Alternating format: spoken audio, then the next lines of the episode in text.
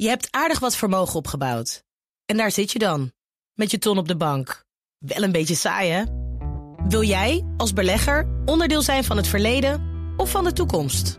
Bridgefund is een slimme fintech die een brug slaat tussen de financiële behoeften van ondernemers en van beleggers. Dus wie belegt bij Bridgefund krijgt niet alleen een mooie vaste rente, maar brengt ook ondernemers in beweging. Echt waar, met die ton kan je zoveel betere dingen doen. Bridgefund. Make money smile. De column van Jaap Jansen. In een nieuwe podcast gaan Maartje Duin en Peggy Bouva op zoek naar hun wortels. Ze komen uit op een Surinaamse suikerplantage.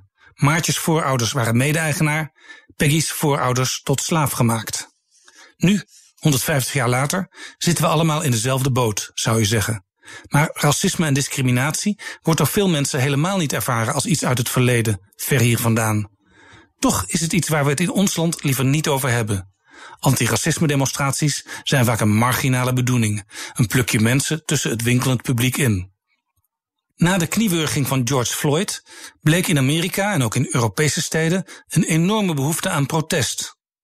Door de organisatoren van het Damprotest op Tweede Pinksterdag was ook nog wel even aan het Museumplein gedacht, maar ze vreesden onzichtbaarheid. In het NOS Live-verslag van Jeroen de Jager op Facebook zag ik een volle dam. Het kon net. Zo te zien hielden de meeste demonstranten zich keurig aan de anderhalve meter regel. Kruisjes op de grond, mondkapje op.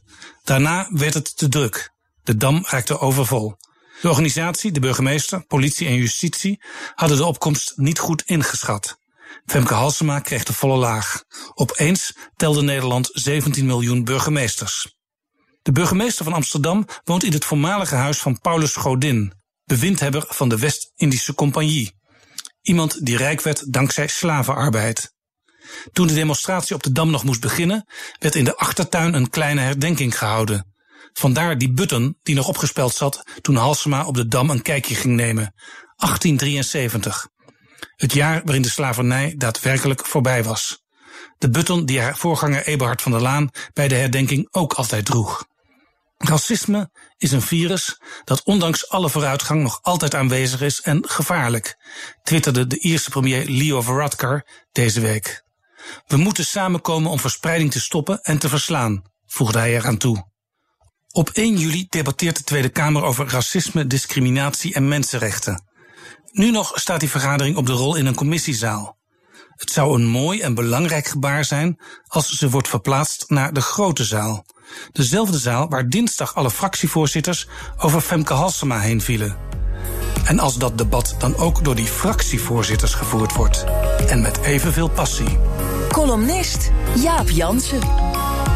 Terugluisteren? Ga naar bnr.nl of de BNR-app.